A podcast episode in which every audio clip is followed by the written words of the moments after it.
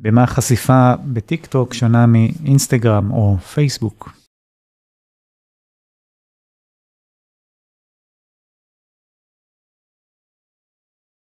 אז פייסבוק, אינסטגרם ועוד כמה רשתות בנויות בבסיס על אינטראקציות. זאת אומרת, ככל שיש לכם יותר לייקים, תגובות, שיתופים, ובכלל engagement, מה שנקרא מעורבות על הפוסטים שלכם, ככה הם ייחשפו לקהלים רחבים יותר. בטיק טוק, לעומת זאת, המודל הוא שונה. טיק טוק חושפים את הסרטונים שלכם לקהל רחב, כאילו יש שני פידים בטיק טוק, יש את האלה שאתם עוקבים אחריהם, ויש את ה-for you מה שנקרא, ששם אתם נחשפים לכל הסרטונים שטיק טוק חושבת שיהיו רלוונטיים אליכם, על בסיס דברים שכבר אהבתם, המיקום שלכם ודברים בסגנון הזה. לכן בטיקטוק יש פוטנציאל להגיע לווירליות מאוד גבוהה, אפילו אם אתם משתמשים חדשים עם אפס עוקבים, שזה מה שיפה בפלטפורמה הזאת, היא עובדת מאוד שונה. היא באה לי ככה לקרוא תיגר על איך שאינסטגרם ופייסבוק עובדות. בטיקטוק אחד הדברים היותר חשובים זה זמן השהייה בסרטון. הלייקים והתגובות גם כן, יש להם את האלמנט שלהם, אבל הרבה פחות משפיעים לעומת אינסטגרם ופייסבוק. בטיקטוק העניין העיקרי זה להשאיר אנשים בסרטון, ולכן נכנסו לשם כל העניין של העריכות והכתוביות ודברים מטורפים שעושים שם.